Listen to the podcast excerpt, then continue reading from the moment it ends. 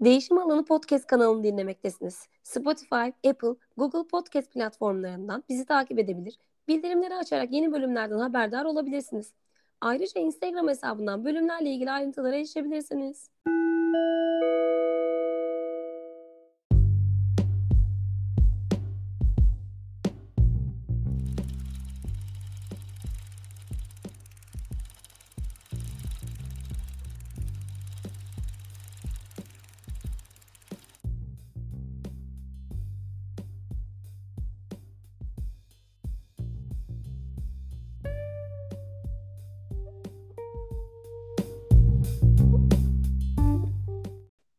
Herkese merhabalar. Değişim Alanı Podcast'inin yeni bölümüyle karşınızdayız. Merhaba Onur. Merhabalar Ercüment, nasılsın? İyi diyelim, iyi olsun Onur ya. Sen nasılsın? Ee, iyiyim yani yeni bir seneyi bir seneyi bitirdik daha doğrusu. Yeni bir seneye gireceğiz. Ben hedefleri tutturdum. Senin gazınla da olsa koşu hedefi tuttu. 1500'ü devirdim. Bisikletle de dün e, pardon iki gün önce 10 bini devirdim. Yani 10 bine 1500 şey çekini attım ben. Vallahi süpersin ya. Yani benim bu sene e, ben de baktım aslına bakarsan. Biliyorsun Strava Premium değil olduğum için Strava, Strava, Strava fakiri kullandığım için ben de böyle çok e, detaylı çıkmadı ama bir bakayım dedim ne yapmışım. Yani aşağı yukarı kafamdaki rakamları tutturmuşum diyebilirim. Yani zaten sadece koşuyu takip ettiğim için koşuda tutturmuşum. O açıdan benim için de güzel, keyifli bir sene geçmiş. Mutluyum. Önümüzdeki sene için var mı kafanda böyle bir hedef? Ya yine mesafe olarak değil de hani organizasyon olarak bir hedef koymayı planlıyorum ama neyi koysam bilemiyorum açıkçası. Ya bir de e, şimdi bugünkü konuğumuz da bisikletçi ama ben galiba bisikletten nefret ediyorum ya. Yani bugün kısaca anlatayım istersen. E, benim bir tane şeyim vardı ya, nabız bandım. E, Aha. markası önemli değil, onu da Instagram'da falan X marka. paylaştım. Ha, aynen. Ya o kadar çok problem çıkardı ki işte bugünkü yayından önce dedim birazcık hadi şöyle bir saat bir trainer'da bisiklet çevireyim. Ya o kadar çok yordu ki beni. Bir çalışıyor, çalışmıyor. Tabii ben ona o orada çalışmayınca durduruyorum, tekrardan gidiyorum falan Çok filan. keyifsiz oluyor ya. Hiç keyif Evet alamıyorum. evet. Ya onu dedim ya onu düşündüm. Ondan sonra işte kapattım, yayına yetişmeye çalıştım falan derken dedim ki ya koşu hiç böyle değil. Koşu çünkü hayır ben ayakkabımı giyip dışarıya çıktığım an böyle kafamı boşaltıp eve dönebiliyorum ama bisikletin üstünde özellikle evde trainer'dayken abi stres olup iniyorum ya böyle bir şey yok. Suyu aldım mı, kas, özellikle dışarı çıkarken kaskımı taktım mı, Değil mi? ayakkabılar tamam mı? Tabii teferruatı daha fazla bisikletin ama ben Neyse ben de bisiklette daha rahatım ya. Daha öyle mi? keyifliyim evet evet. Konuğumuzla bunu uzun uzun konuşuruz öyleyse. Sen takdim et Aynen. istersen. Ee, bugünkü konuğumuz bisiklet camiasından konuştuğumuz gibi Arzu Sağnak. Ee, yani tanıyanlar muhakkak vardır. Bakalım bugün daha ayrıntılı tanıyacağız diye düşünüyorum. Arzu hoş geldin. Hoş buldum, merhabalar. Hoş geldin? Arzu. Ee, iyiyim, teşekkürler. Sizler nasılsınız? İyiyiz biz de teşekkür ederiz. Ee, devam ediyoruz. Hayata yeni bir yıla bakalım yeni hedeflerle gireceğiz. Ee, önden bir tanısak seni Arzu Sağnak hani sportif kimliğinin dışında günlük hayatta neler yapar, ne yapar? Tabii ki. Ee, ben İstanbul'da yaşıyorum. 35 yaşındayım şu anda. Ee, asıl mesleğim medikal muhasebe. Fakat e, bir bisiklet firması olan Giant Türkiye'de çalışıyorum 3 yıldır. Son 3 yıldır. Ee, onun dışında e, yani sportif kimliğe girecek ama antrenörlük olarak da bir e, işim mevcut. Ee, kalan vakitlerimde de spor yapıyorum. Sabahları mesai öncesinde mi oluyor sende de genelde bu iş? Ee, tabii benim çalışma saatlerim biraz daha esnek. Ee, hani beyaz yaka olan arkadaşlar biraz kıskanabilirler belki ama e, benim günüm e, sabah 4-4.30 gibi başlıyor aslında uyanıyorum. Ee, öncelikle e, bisiklet derslerim var. Sonrasında da e, kendi antrenmanımı yapacak vaktim kalırsa yapıp öğlen civarı da e, çalıştığım mağazaya gidiyorum. Yani sabah 4-4.30 ya da gece 4-4.30 mu ne bileyim bileme, bilemedim. Yani ben 5.30'da kalkıyorum her gün hemen hemen. Bana böyle etrafındakiler ya hiç işin yok mu senin ne işin var sabahın beş buçuğunda diyorlar ama seninki bir, çıtayı bir tık daha yukarı aldı benim gözümle. Şey mi pek yani antrenmanlarım var öğrencilerim var dedin ama e, beraber bisiklete mi çıkıyorsunuz yoksa antrenman planlaması için mi çalışıyorsun o saatlerde? Ha, tabii ben detayı söylemediğim için e, şöyle birebir dersler bu bahsettiğim dersler bisiklet üstünde geçiyor. E, ve İstanbul'da yaşamanın dezavantajlarından biri e, biz daha trafik başlamadan antrenmanımızı yapmış olmamız gerekiyor yani. Dolayısıyla o yüzden saat 5'te 5.30'da sürüşlere başlamak zorundayız. Başka bir şansımız yok. Zaten 6 civarı iş trafiği başlıyor Hmm, ve Doğru.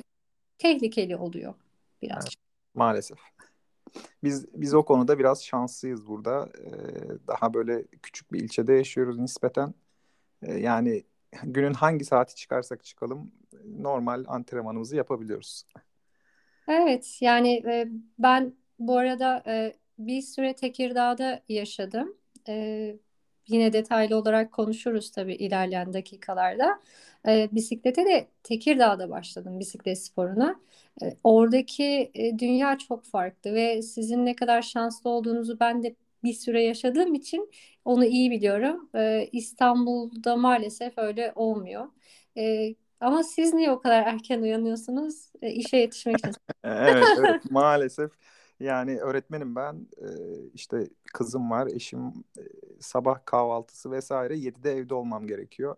E, öğleden sonraya kaldı mı hiç olmuyor. İlla ki ekstra bir iş çıkıyor derken mecburen sabahları alıyoruz. E, öyle olunca da 5.30'da kalkıp 6'da çıkıp en azından bir saat şöyle bir ya koşma ya bisiklet bir şeyler yapmamız gerekiyor ya da havuz gitmemiz gerekiyor. Peki e, nasıl başladı bu spor aşkı? Spor Yani aşkı. Aa, sabah dört buçukta seni uyandırmaya böyle bu motivasyonu ne sağladı, nasıl başladı, nasıl hikaye onu bir anlatsan bize. Tabii ki de. Ee, aslında ben doğma büyüme e, İstanbul'da e, yaşayan bir insandım. E, ailevi durumlardan dolayı Tekirdağ yerleşme e, yerleşmek durumunda kaldık. Ve Tekirdağ tabii İstanbul'a oranla çok yavaş. Yani zamanın biraz daha yavaş aktığı bir yer diyebilirim. Çünkü biz burada kaosa o kadar alışmış durumdayız ki aslında hani uzaklaşınca anladım neyin ne olduğunu. Ve orada da e, yine sağlık sektöründe çalışıyorum. Ve işe e, gidip geliyorum ama çok fazla vaktim kalıyor iş dışında. Kendime ayırabileceğim çok fazla vakit. E, ve bir şekilde bisiklete başlıyorum. E, ama yani oldukça hani sıfırdan diyebilirim başlangıç. E, ve e, sonrasında ise ilerliyor, ilerliyor ve e, şu anki duruma geliyor. E, tabii belli aşamalardan geçmek gerekiyor. Ve beni sevgili Mutlu Erçevik benim antrenörüm, beni yetiştiren e, kişi. Çok emeği vardır üstünde. E, iş önce bir dağ bisikleti yarışıyla başladı benim için. Sonrasında yol yarışlarına girmeye başladım. Yol bisikletine de e, geçiş yaptım. E, ve bu bir şekilde yaşam tarzı oldu. Yani aslında başlangıcı e, sakin bir hayat sürüp kendime e, aslında bir e, aktivite oluşturmaktı. Tabii şöyle bir detay da var. Çalıştığım hastanede birlikte çalıştığımız doktorlardan biri işe bisikletle gidip geliyordu. Kahraman Hoca. Ona da sevgilerimi iletiyorum. Çünkü onun da parmağı var bu işte. Ee, ve hani hocam sen hani bisikletle gidip geliyorsun işe. Ben ne, ne güzel hani hoşuma gitti deyince bana eski bir bisikleti vardı onu verdi. Hani al bak e, hani seversen kendine iyi bir bisiklet alırsın diyerek aslında benim bisiklete başlatmış oldu. O Ve zaman çok çok eski değil hikaye yani hikaye yeni. 2014 yılları diyebilirim. O çok çok eski değil. Ben hep hani açıkçası hani sosyal medyadan vesaire takip ediyoruz. Ben hep hani böyle işte çocukluktan, gençlikten gelen bir altyapı var diye tahmin ediyordum kendimce. Ha, e, altyapı aslında ilkokul yıllarımda atletizm ile ilgilendim. Ama çok çok hani kısa e, okul hayatında sürdürülebilecek kadar bir e, vakitti bu. Aslında ilkokul yıllarımda e, spora adım attım diyebilirim. Atletizmle uğraştım. Ama bu okulda yapabileceğiniz kadar bir vakit ayırmayla geçen bir şey. Yani çok böyle yarışlara katılma, e, çok fazla e, vakit ayırma yok idi. E, belki genetikte yatkınlık da hani var spora karşı. Biraz da özellikle bisiklet özelinde söylüyorum. Bisiklet sporunu çok sevdiğim için bu geç yaşta başlayıp milli takıma kadar benim açımdan ulaştı ve antrenörlüğe kadar. O yüzden e, ve hayatımı da değiştirdi. E, mutluyum bisiklet sürdüğüm için, bisiklet sporuyla tanıştığım için. E, şey nasıl oldu peki? Mutlu hocayla hani o e, nasıl diyeyim denk gelme değil de yollarınızın kesişmesi nasıl oldu? Nasıl fark etti seni? Ee, çalıştığım hastane e, çevre çevre yakın köylerde bir MTB yarışı vardı Tekirdağ'da. Çalıştığım hastane bu yarışa sponsor oldu. Şey dediler ya Arzu sen de işte bisiklet sürüyorsun. E, bu yarışa katıl bizim adımıza yarış. E, olur tamam. Benim ilk yarışım bu arada. Daha önce hiçbir yarışta start almış değilim. Ben sadece laylaylon bisiklete biniyorum. E, ve işte belli arkadaşlarım var. Böyle e, kahve, çorba turlarına gidiyoruz. O seviyedeyim. E, o yarışta da Mutlu Hoca görevliydi ve ben yarışı birinci bitirdim. Zaten bu arada 5 kişi başladık. 3 kişi bitirdi. Ben de birinci oldum. Yollarımız orada kesişti ve benim birlikte bisiklet sürdüğüm arkadaşlarımdan biri Mutlu Hoca'yı tan- tanıyormuş e, ve bizi e, tanıştırdı bir şekilde. Sonrasında da Mutlu Hoca'yla yol bisikleti antrenmanları yapmaya başladık. E, gerçekten e, sevgi ve saygılarımı iletiyorum. Çok çok bana e, emeği olan ve e, örnek aldığım e, bir insan kendisi. Hmm, peki yani benim hep böyle takdirle karşıladığım bir durum var sende de hani sevdiğin işi yapmak uğruna e, mevcut yaptığın işten istifa edip böyle çok büyük bir risk alarak çok büyük bir cesaret örneği göstererek yeni bir sektöre aslında yeni bir sektör değil de farklı bir sektöre atılıyorsun. Yani bu süreç nasıl oldu? Hani e, hastaneden işinden istifa edip Giant'a katılma sürecinden bahsetsen. Yani dediğim gibi büyük cesaret nasıl verdin bu kararı? ee, ya aslında şey su akıyor ve yolunu buluyor. Ee, e, ve ben e, Tekirdağ'da yaşıyorken yine e, hastanede çalışıyorum ama bisiklet sürüyorum. E, eşim Tufan Sağnak ile bisiklet sayesinde tanıştık. Onlar fotoğraf çekimine gelmişlerdi Uçmakdere'ye. E, ve bizim yollarımız orada kesişti. E, ve ben Tufan'la evlenip tekrar İstanbul'a yerleş, yerleştim. Ve bu sırada çalıştığım işi bıraktım. Tabii evlendikten sonra e, hani bisiklete binecek bolca vaktim oldu İstanbul'dayken tekrar bir işe girmeyi bir süre düşünmedim. E, dedim ki eşim bana baksın. Biraz ben bisiklet. Aa, süpermiş o. e, ama şey e, bir süre İstanbul'da bir hastaneye girip çalıştım bu arada. iki ay kadar bir süre. E, ve dedim ki bu iş böyle olmayacak. Ben bırakıyorum e, medikal muhasebeyi ve ben tamamıyla bisiklet sürmek istiyorum. Yarışlara katılmak istiyorum. Tabii o zamanki ekonomik şartlar biraz daha iyiydi. Yani ülkenin şartları biraz daha iyiydi. Şu an öyle bir lüksümüz yok. E, ve Giant'da yolumuzun kesişmesi de bu süreçte e, aslında bir sponsorluk ile başladı. E, Giant Türkiye bana bisiklet sponsoru oldu ve o güzel ilişkilerimiz başladıktan sonra e, e, orada part time olarak mağazada ben çalışmaya başladım. E, sevgili İbrahim bizim genel müdürümüz o teklif etti. Ya hani burada çalışmak ister misin? Çalışmayı düşünür müsün? Aa dedim ki ya neden olmasın? Hani sonuçta bir işte çalışmıyorum. Keyifli bir ortam. Bir deneyim şansımı dedim. Ve hiç aklımda olmayan bir şeydi bu arada. Ve ben Giant Türkiye'de çalışmaya başladım. E, bisiklet satışı kısmında mağazada. E, ve bu part time'dan zaman içerisinde full time'a döndü. Ve 3 yılı geçti.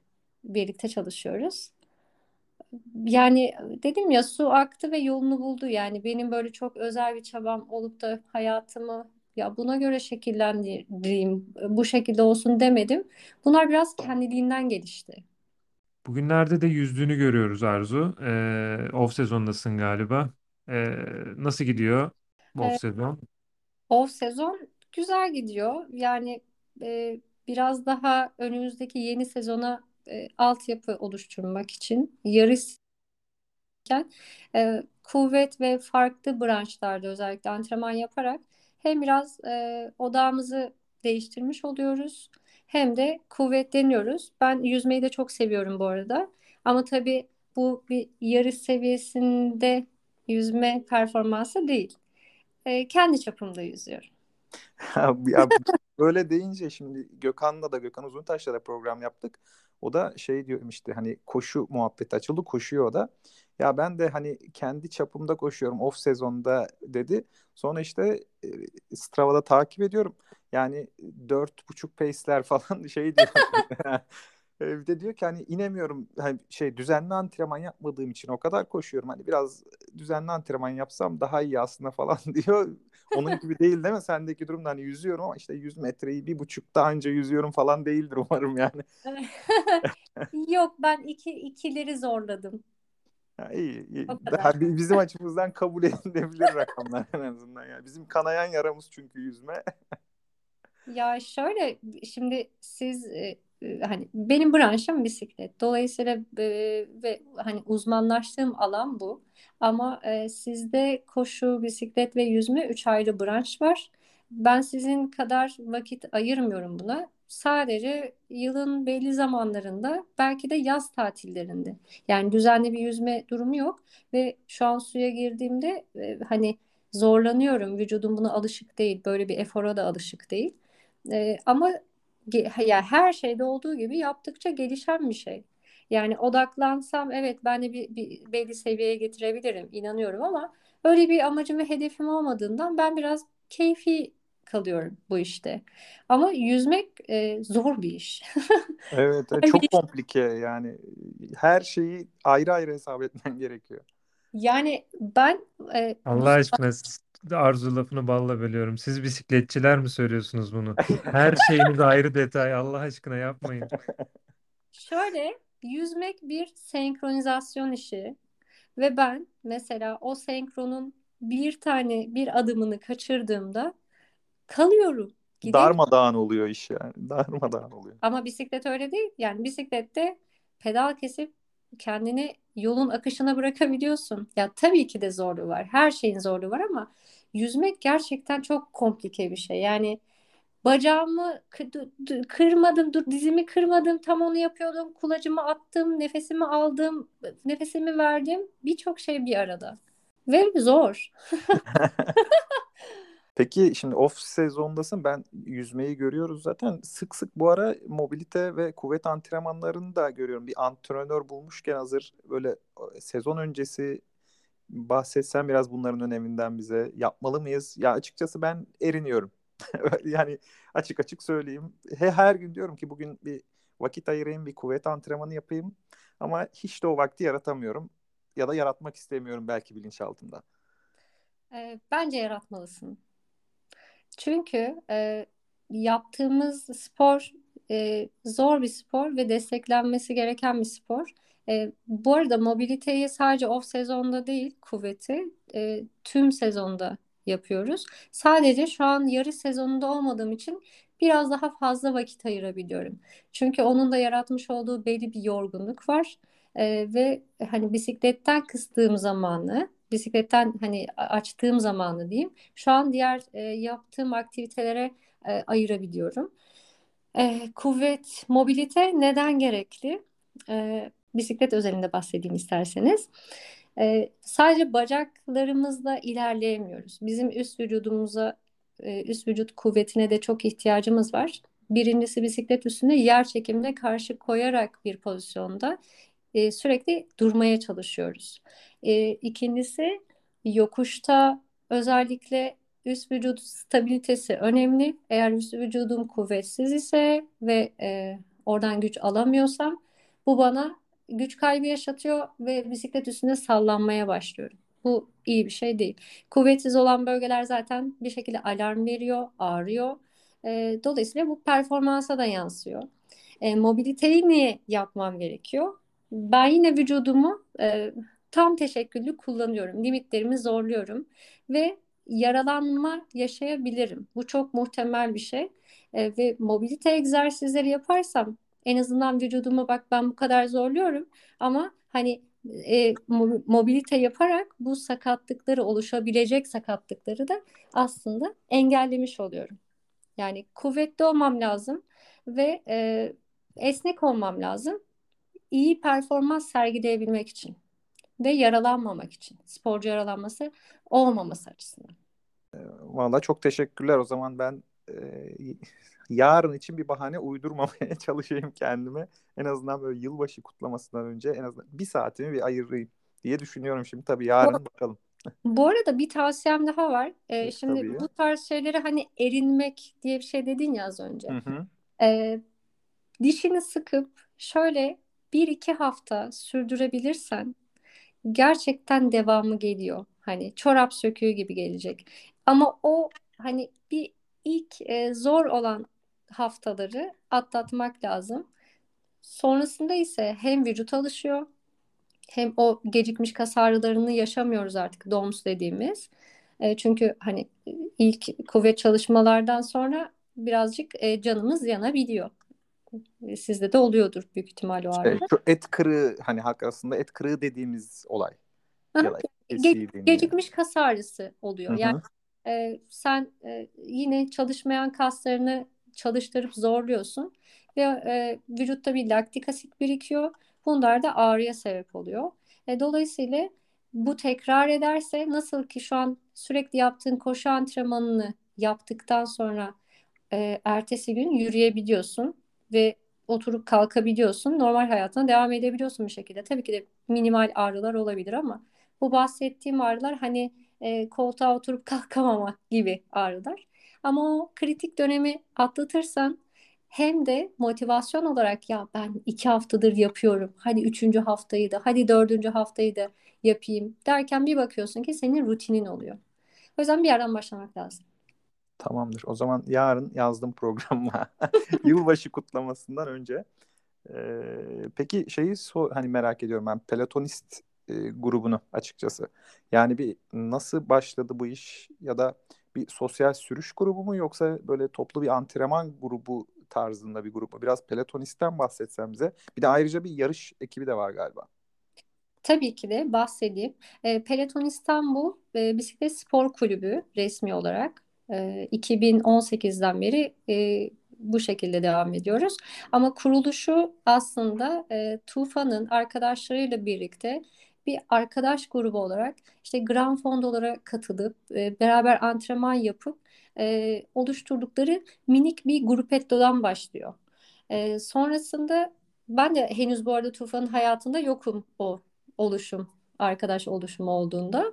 E, sonrasında biz Tufan'la tanışıyoruz derken bu sürüş e, grubumuza yeni arkadaşlar ekleniyor. Ben de ekleniyorum bu sırada. Tam bizim evlenme zamanımıza dek geliyordu. 2017 yılında ya biz bu işi niye bir biraz daha ileriye taşımayalım? Ya kulüpleşelim derken 2018 başında biz resmi olarak bir spor kulübü olduk. E, sponsorlar bulmuştuk o yıllarda. E, biliyorsunuz hani e, takımlar sponsor desteğiyle aslında biraz ayakta kalabiliyor. E, sosyal tarafımız var. Aslında sosyal taraftan e, hani doğmuş fikir olarak bir takım bu. E, her e, her çeşit e, her e, gruptan insanın bir araya gelerek oluşturduğu isminden de aslında peloton. Biliyorsunuz her takımdan sporcuların oluşturduğu gruba, yarıştaki gruba peloton deniyor. Biz de o mantıktan yola çıkıp hem ismini koyduk hem de ya herkese e, e sosyal olarak bir araya gelip e, sürüşler yaptırmayı hedefledik. Sonrasında bir yarış takımı oluştu bu grup içerisinde. Ee, genç sporcularımız da vardı. Yaş grubu olarak daha ileri yaşlı olan sporcularımız da vardı. Ee, ve bir de racing team tarafı oluştu akabinde. Ee, aktif olarak yarışlara katılıyoruz. Hala katılıyoruz ama birçok takım üyemiz Almanya'ya göç etti. Yani e, bir Peloton Deutschland diye Orada da bir oluşum gelebilir her an yani. Belki de hakikaten bu arada yani birçok e, takım arkadaşımız Almanya'ya yerleşti. Yani önceki yıllar gibi belki bu yıl çok aktif olamadık. Ee, ama yani bu tabii zaman zaman yeni sporcular gelir, e, eski sporcular gider. Bu e, hani dönüşümlü bir şey. Bir sirkülasyon olması lazım. Yani kişiler sabit sonuçta kalamıyor her oluşumda olduğu gibi. E, hala yolumuza güzel şekilde devam ediyoruz. Yarışlara e, olabildiğince katılıyoruz. Ee, peki senin hani bir gerek takım olarak gerekse bireysel olarak katıldığın yarışlardan e, tabii ki de çok başarılarım var ama böyle unutamadıklarından anı olabilir veya şu yarış çok heyecanlıydı, şöyle olmuştu gibi bize bahsetsen neler var mesela veya senin için önemli olanlardan? Valla e, unutamadığım birkaç an var. E, milli takım olarak Ukrayna'ya gitmiştik e, 2019 yılı ve orada böyle dört gün peş peşe tek günlük yarışlar ama dört gün peş peşe yarışacağız. Her gün yarış var. E, benim de tabii milli olduğum ilk yıl e, yeni yeni hani böyle yurt dışı ve uluslararası yarışlarda yeni tecrübe kazanıyorum. E, nitekim e, unutamadığım an ana gruptan koptum, koptum yarış sırasında ve gruba ya, şey e, yetişmeye çalışıyorum tekrar. Ya hiç ulaşamadığım böyle 200'lere yakın bir nabız gördüm yarış sırasında. E, şöyle oldu. Ekrana baktım. 200'e yaklaştı nabzım. Gözlerim karardı. Böyle başım döndü. Dedim ben herhalde ölüyorum yavaş yavaş. Ama yani Kalp krizi geliyor. ta, takım aracı da böyle yan tarafımda ya onlardan yardım istemeye çalıştım yani bir, bir şekilde ama onlar hani su istediğimiz şey yapmışlar sanmışlar. Ben gerçekten hani gidiyordum herhalde o an.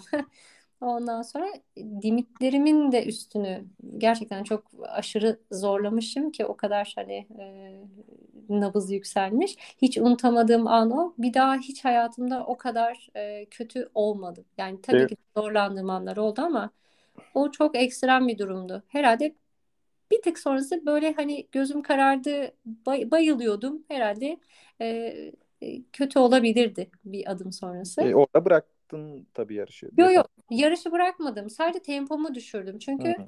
yani e, şöyle bir andı. Şimdi grup peloton önümde aramızda çok kısa bir mesafe var ve ben bütün kibritlerimi yakıyorum onlara yetişmek için. Yani zaten yarış anı da zor, heyecan dolu vesaire.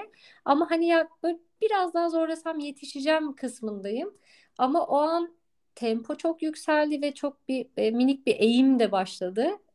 E, onlar benden daha da uzaklaşmaya başladılar o sırada. Ve e, dedim ki e, herhalde yani yetişemiyorum ama yine de insan yarış psikolojisi zor zorlamak zorundasın yani. Evet. Ya ben kenara çekeyim yapamazsın öyle bir şey. Mümkün değil. Ama tempomu mecburen düşürmek zorunda kaldım. Çünkü vücudum alarm verdi yani o sırada. O anı hiç unutamıyorum. Bir tane daha var. O da yine e, uluslararası yarış. Bu sefer Alanya'dayız. Şimdi Alanya'nın o yörenin yağmurları meşhur. E, yarış sabahı uyandık. Hava kötü. Yani bayağı yağmurlu ıslak. E, yani start almama gibi bir durum, yarışın iptal olması gibi bir durum söz konusu değil. Ben de milli takım formasını giydim. Ee, ve yarışa başladık. Hatta o yarışın fotoğraflarından e, paylaşmış olduğum var profilimde. Ee, sevgili Yücel Çakıroğlu'nun çektiği güzel fotoğraflardan biri. Ee, gidiyoruz ve Dim Çayı parkuru. Dim Çayı parkuru da hakikaten teknik, inişli çıkışlı, e, soğuk asfalt ama hava da soğuk. Ve biz ıslandık, ıslandık, ıslandık. Ben en son şey hani nabzım bu sefer düşmeye başladı soğuktan ısınamıyorum. O hayatı sorgulamaya başlamıştım o yarışta. Dedim ki ben neden buradayım şu anda? Klasik o düşünce herkesten geçiyor herhalde. Hep konuşuyoruz bunu gerçekten. Bu arada fren yok. E, jantlarım karbon ve e, rim brake kullanıyorum. Ve ıslak havada yok. Sıfır. yok. Yok yok. Ve bir köşe başında bizim e, yine antrenörümüz köşe başında durmuş. E, şimdi araç takibi var. Onlar da bir noktada durmuşlar. Hani oradan motivasyon vermeye çalışıyorlar. Ve virajda duruyor. Ben e, Soner Hoca'ya doğru gidiyorum ama duramıyorum ve kaymaya da başladım. Dedim ki herhalde hani şey çarpışacağız yani bisiklet de durmuyor bir şekilde. E, neyse e, şans eseri düşmedim. Yola devam ettim. E, ama hakikaten uzun kollu forma var üzerimde. E, her şeyim sırılsıklam ve hava soğuk. Yani bu yaz yağmuru değildi bu arada. O yağan yağmur yani. Bayağı soğuk hava. E, araca bin, bindiğimde hani titremekten bir süre kendime şey yapamadım ben bı- bırakamadım. E, sürekli titredim üşüdüm ama e, hipotermi geçiriyordum herhalde diye düşünüyorum. Mesela o anda hiç hiç unutmam. Çok zordu. Peki yani e, bisiklet dünyasında veya bisiklet sporunda bir kadının gelebileceği herhalde Türkiye'deki en yüksek noktalardan birine geldi. Milli takıma seçildin sonuçta. Şimdi ben de bir kız babasıyım ama e, yani kadınlar için Türkiye'de bisiklet sporunun geleceği nedir sence? Yani mesela kızımı bisiklet sporcusu olmaya yönlendirmeli miyim? Para kazanabilir mi mesela bu işten? Bisiklet sporu Türkiye'de amatör bir spor branşı. Yani ben eğer bir kızım olsaydı onu öncelikle e, mesleğine odaklanmasını ister. Sonrasında hobi olarak bisiklet sporunu yapmasını e, dilerdim ve isterdim. Çünkü Türkiye'de e, yani e, maalesef işler bizim böyle düşündüğümüz ve istediğimiz gibi yürümüyor. Ya da e, Avrupa'ya gidebilecek bir durumu varsa e, Avrupa'ya yollardım. Eğer hani gerçekten bisikletten hayatını kazanmasını istiyorsam. Ama e, üzülerek söylüyorum. Bisiklet e, amatör bir spor Türkiye'de. Hmm, evet yani sadece aslında kadınlar için değil ben kadınlar için sordum ama erkekler için bile e, dediğin gibi maalesef amatör bir spor hobi, hobi olmaktan çok öteye geçemiyor. Kesinlikle öyle. Ee, biraz bizim kültürümüzün de gelişmesi lazım. Ee, çünkü bu sadece hani ya bisiklete biniyoruz evet e, hoş da bitmiyor. Bu işin gerçekten sağlam bir temeli olması gerekiyor. Yani Avrupa'daki e, ülkelerdeki sporcular o yüzden temelden iyi yetiştikleri için e, çok bu da komplike bir şey. Hani e, kişinin geleceğini kaygısını ortadan yok etmen lazım eğer bir milli sporcuysa o çocuk ülkeyi e, temsil ediyorsa üzerine formayı giyerek e, birçok açıdan onun kafasındaki soru işaretlerini ortadan kaldırmak, kaygılarını yok etmek gerekiyor. E, ki çocuklar şöyle, şimdi e, ben milli takımda yardımcı antrenörlük de yaptım Yıldız Kızlar e, kategorisinde bu yılın başında. E, çocuklar bir yol ayrımına geliyorlar e, ve üniversite ve hani kariyer bir tarafta da spor kariyeri. O yol ayrımına geldiklerinde spor çok tercih edilen bir yol olmuyor maalesef. Yani spor tarafına yönelmek.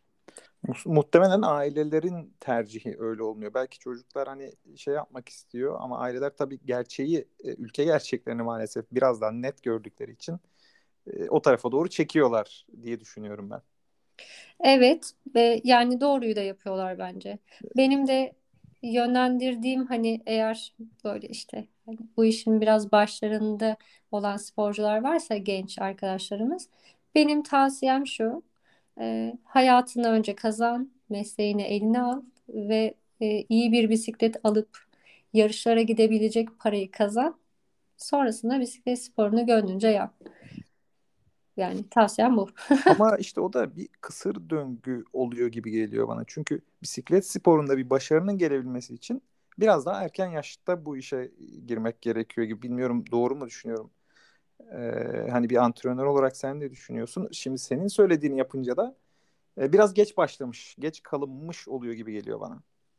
Ya şu var. Şimdi tamam e, erken yaşta spora başladım evet ama o hani dedim ya çocukların bir yol ayrımına gelmesi söz konusu. Çocuk evet erken yaşta başlıyor bu işe eğiliyor ama e, ülkenin şartlarından dolayı e, mecburen bir yol ayrımına gelip tercih yapmak zorunda kalıyor. Yani bu üniversiteye gidip bir e, okul okumak ve bir meslek sahibi olmak e, ya da spor tarafına e, eğilip e, o taraftan hayatını kazanabilecek bir seviyeye gelebilmek dediğim de şu ki e, bisiklet amatör bir spor branşı olduğu için Türkiye'de o taraftan hayatını sürdürebilecek e, bir yol çizememiş oluyor. Yani şöyle düşünelim.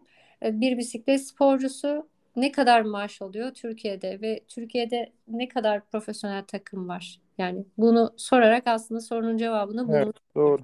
Kendi kendine çıkıyor sonuç buradan dediğin gibi. Maalesef. Peki eee, antrenörlük nasıl gidiyor? Yani antrenörlük hayatı nasıl gidiyor? Ee, Ben e, son bir yıldır, bir yılı aştı hatta antrenörlük e, kısmına eğileli. İkinci kademe antrenörüm bu arada. E, fakat sporculuk tarafında kaldığımdan dolayı antrenörde çok fazla eğilemiyordum. E, hayallerimden biri de e, tamamıyla antrenörlük kısmına geçmekti. Bunu şu an kısmi olarak gerçekleştirmiş durumdayım. E, güzel bir şey. E, Birebir ders veriyorum. İnsanların e, hayatlarına dokunmuş oluyorum. Ve e, öğrenci profilim şu anda biraz daha e, sıfırdan başlayan hani bisiklet, yol bisikletine yeni adım atmış olan insanlar ve onların e, gelişimini görmek, onları o hani ilk basamakları atlatmak beni çok çok mutlu ediyor ve tatmin ediyor. Ve biliyorsunuz yani yeni başlayan birinin gelişim eğrisi çok daha dik şekilde gider. Gelişmiş bir sporcunun ise çok minik adımlarla ilerler. Dolayısıyla o keskin çizgiyi görmek, onların da o heyecanını paylaşmak beni çok çok mutlu ediyor. Hani bisiklet gruplarına ben dedim ki böyle böyle Arzu Sağnak'la e, yayın yapacağız. Var mı sorularınız gibi. Oradan bir iki soru geldi. Ercüment yollamıştım ona bakıyorum. Ee, gündelik hayatta kadınlar kendi arasında çok rekabetçiler. Giyimde, kuşamda falan da böyle, iş yerinde de böyle. Hani kendileri söylüyor bunu pek benim gözlerim değil. Bisiklet camiasında bu rekabet tatlı bir rekabete mi dönüşüyor? dönüşüyor? Yoksa bize erkeklerde olduğu gibi ego çok mu öne geçiyor onlarda diye bir soru var. Siz erkeklerde ego var mı? Yani bisiklette çok fazla var sanki ya. Böyle şeyde oluyor hani ben şeyde hissediyorum. İki kişi önde grubu çekerken işte böyle hangi teker önde olacak diye böyle sürekli bir, bir sağdaki bir soldaki öne atıyor gibi hissediyorum. Ben erkeklerde çok ego olduğunu düşünmüyorum şahsen. Çünkü e, e, siz biraz daha olaylara düz bakıyorsunuz bence. Yani bu güzel bir şey, kötü bir şey değil. Ama kadınlarda e, bu rekabet biraz e, biraz sınırları aşıp e, hırsa, kötü hırsa daha doğrusu dönüşüyor, çekememezliğe dönüşüyor. Yani e, ama bu Türkiye için söylüyorum. Ben yabancı sporcularda böyle bir şey hissetmedim şu ana kadar yarış anında, yarış sonrasında. Ama Türkiye'de biraz e, hani eh, düşmanca yaklaşım söz konusu. Bu benim gördüğüm ve hissettiğim. Yani bu açıkçası sporun belki de eee, kötü yanı. Yani ama bu dünyanın her sektöründe, yani dünyada var olan her sektörde bu geçerli aslına bakarsan. Hani yaptığın işi eee, ne olarak ele aldığınla alakalı. Hani düşmanca davranmak istersen bunu atıyorum bir satış yaparken de hissedebilirsin. Futbol oynarken de, bisiklet sürerken de. Birazcık galiba karakter yani cinsiyete çok bunu bağlamak belki de doğru değil. Çünkü erkeklerde de bu böyle. Hani senin baktığın taraftan görünmüyor olabilir Evet aslında. evet yani erkeklerde de şöyle söyleyeyim yine e, bir yarışta bir arkadaşım anlattı. Ee, diyor ki işte yarışın sonundayız artık üç kişiyiz diyor. Ee, hani sonuçta bisiklet sporunun doğasında var bu. Kendini hani korumaya alırsın, arkaya saklanırsın falan. Sonunda atak yaptık biz diyor. İşte ben diyor birinci geçtim diyor MTB yarışında. Sonra seremonide diğer hani önde çalışan arkadaş diyeyim böyle omuz falan atmış. Yani hani siz yanlış yaptınız, attınız, yattınız, beni geçtiniz gibi. Yani dediğin gibi Ercüment hani çok cinsiyetle alakalı değil, genel kişilikle alakalı sanki bu durum. Ya ben şöyle düşünüyorum şimdi benim eşim de bisikletçi ve o da Strava kullanıyor. Ee, ve benim e, hani kadınlar tarafı ve erkekler tarafı diye ayırırsak erkekler biraz daha böyle düz ve insancıl bakıyorlar buna. Yani işte hani ya bir yerde işte kom aldım. Aa süper hani işte baş almış. Okey süper iyi hızlı geçmiş. Kadınlar nasıl düşünüyor? Böyle eline bir paket çekirdek alıp çıt çıt çıt çıt çıt yapıp Aa, bu beni nasıl geçmiş? Hmm, şöyle mi yapmış? Böyle didikleyerek o sürüşü inceleyip sonra da o kişiye düşman oluyorlar. Yani bu benim gördüğüm. Strava'da gördüğüm bu. Yarışlarda da buna benzer tavırlar oluyor. Yani o yüzden dedim siz erkekler biraz daha hani insancıl ve daha düz bakıyorsunuz. Hani ya biri beni geçmişse evet geçmiştir. Ama bir kadın bir beni nasıl geçer?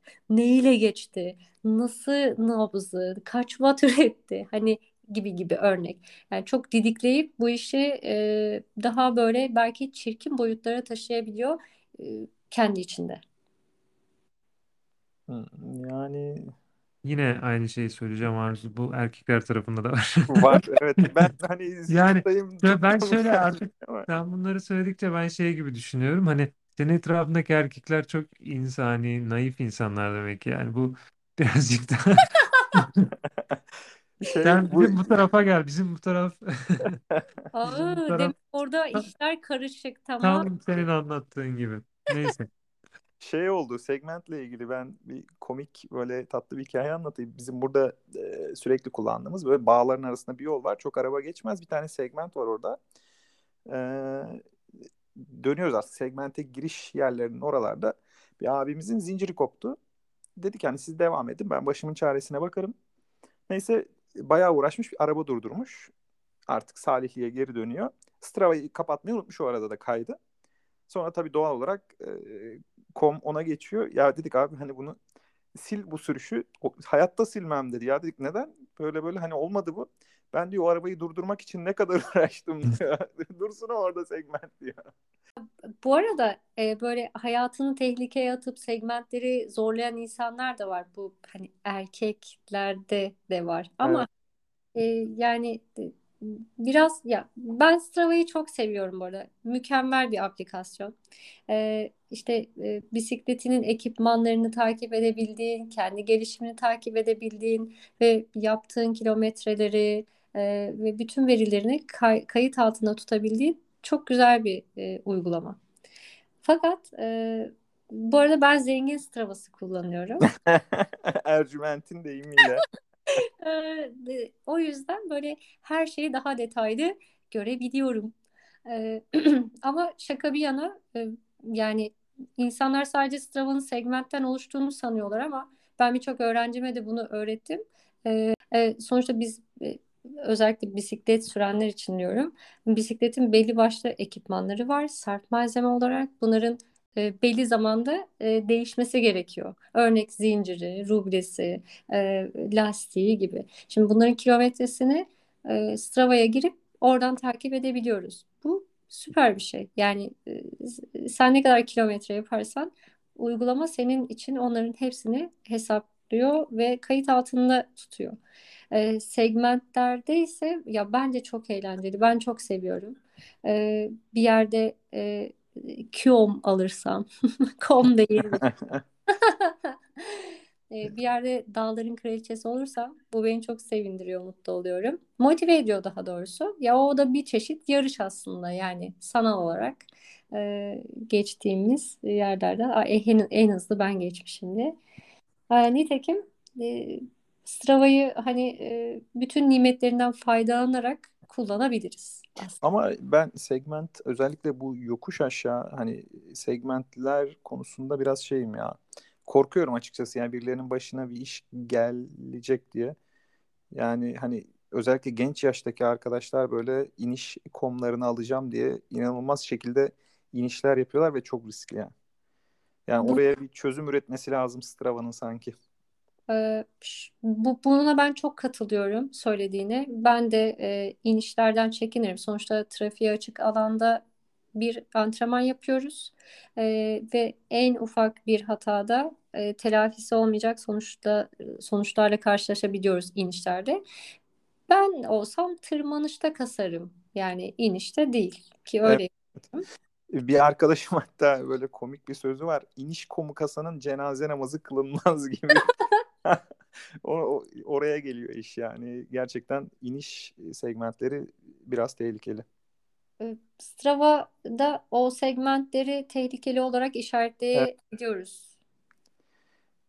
Eğer ama tabii yeniden aynı yere segment açmakta da herkesin hakkı var. Yani ya hakkı var derken açılabilir.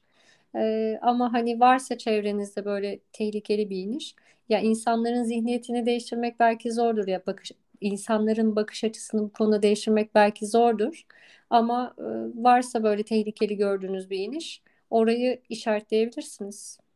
İniş kısmında e, ciddi kazalar olabilir. Bu yazda benim hemen önümde yani 3 metre önümde bir kaza oldu. Hala zihnimde hatta daha bugün fotoğraflara bakarken o kazanın fotoğraflarına denk geldim.